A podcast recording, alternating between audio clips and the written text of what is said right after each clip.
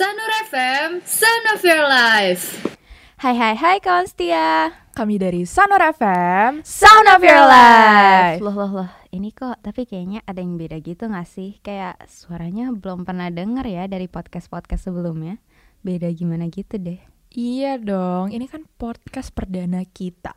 Kalau gitu, hai kawan setia Kata orang tak kenal maka tak sayang. So, kenalin nama aku Zahra dari Music Director Dan aku Claudine dari Broadcast Director. Kami, Kami dari dari Sanur Sanur FM FM 2324 Jadi kawan setia, harusnya pengisi podcast perdana kita tuh Broadcast Director dari Sanur FM 2324 Yaitu aku Claudine sama Luna. Bener, tapi dikarenakan Luna yang berhalangan sakit Jadi aku deh yang gantiin.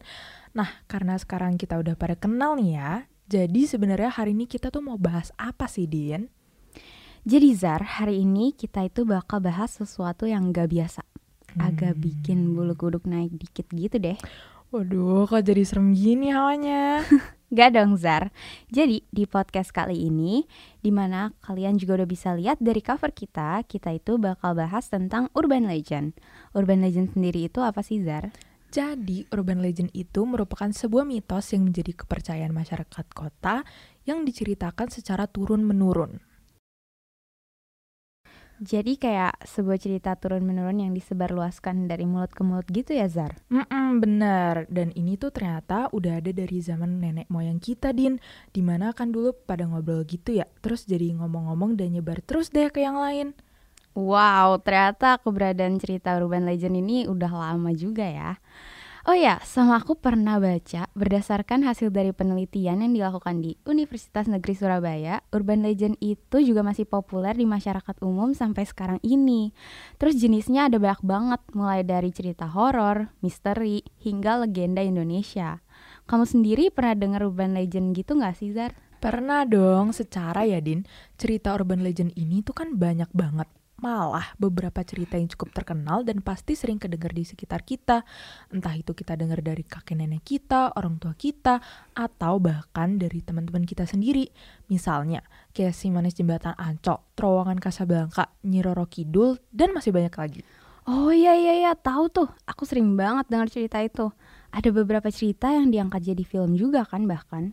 Kamu nonton gak tuh Zar yang si manis jembatan Ancol? Hmm, jujur aku sih belum nonton ya. Cuman sering banget denger dan jadinya penasaran. Tapi karena saking banyak dengernya, jadi nggak penasaran lagi deh. Dan waktu itu aku lihat trailernya si manis jembatan Ancol ini emang serem banget tahu. Dari trailernya aja udah serem. Apalagi filmnya. Tapi cerita-cerita tadi kan kayak udah biasa banget ya. Hmm. Pasti kawan setia juga udah tahu ceritanya kan. Dan kayak so boring kalau misalnya kita bahas itu lagi. Jadi di podcast kali ini kita bakal bahas yang anti mainstream banget nih. Jadi Zara mau bahas apa nih? Kalau yang biasa-biasa mah kawan setia juga udah pasti bosen dengernya. Nah, kalau cerita yang mau aku bacain ini luar biasa. Kira-kira kawan setia tahu nggak nih larangan menyebut kata lada di daerah Dago Pakar Bandung? Wah, aku baru denger tuh Zar. Gimana ceritanya? Oke, aku ceritain nih ya.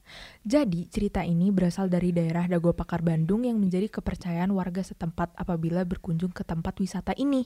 Lada, makanan lada menjadi sebuah kata yang sangat dilarang untuk diucapkan di tempat wisata ini karena konon katanya dahulu ada leluhur yang bernama Eyang Lada Wisesa yang sangat dihormati oleh warga setempat. Maka, ketika ada orang yang menyebutkan kata lada, maka akan terjadi sesuatu yang tidak diinginkan. Lada yang bumbu dapur itu Zar. Mm, Din. Uh, merinding dikit. Bisa aja, Din.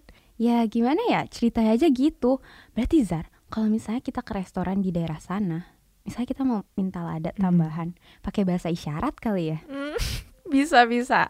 Kalau bahasa isyarat juga nggak ngerti, nanti last option pakai bahasa kalbu deh. Boleh boleh boleh udah udah udah. Daripada kita mikirin gimana cara mereka ngomong lada, mending kamu ceritain urban legend kamu yang paling oke itu deh, Din. Oke jadi Zar Urban legend itu nggak cuma dari Indonesia aja loh Kan selama ini yang kita tahu cerita legenda Ya dari Indonesia aja Hmm. Kayak Sangkuriang, Tangkupan Perahu, dan lain-lain gitu kan Nah ternyata di dunia juga ada cerita legendanya loh Masa sih? Baru tahu aku. Iya Zar, salah satu yang mau aku bahas hari ini itu ada cerita urban legend dari Amerika Serikat. Wah, seru nih. kawan setia. Kata aku sekarang kalian siapin popcorn.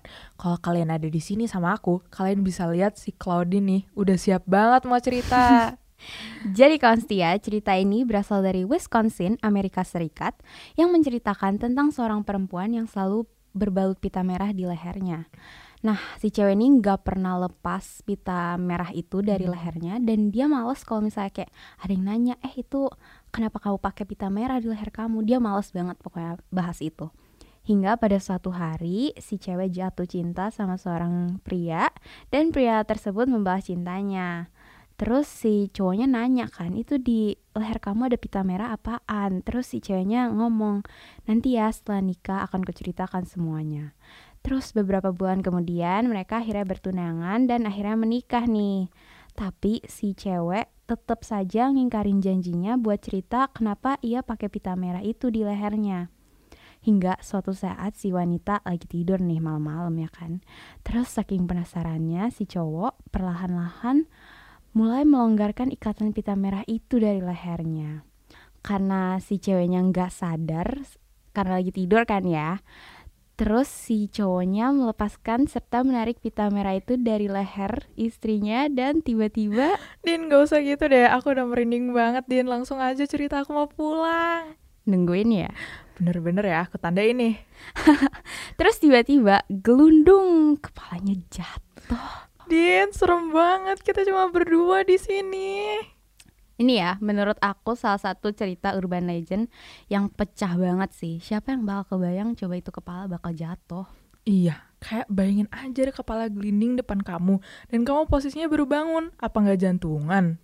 Kalau aku sih udah pingsan di tempat ya Zar. Jangan dong, ntar kalau kamu nggak ada, masa ini podcast pertama dan terakhir kita? Emang kamu tega biarin podcast Sanora FM ke depannya nggak ada? Tega dikit. Canda. Nah, karena kita udah bahas urban legend dari Indonesia sama Amerika Serikat, menurut kamu pesan moral yang bisa kamu ambil dari cerita si perempuan berpita merah itu apa sih, Din?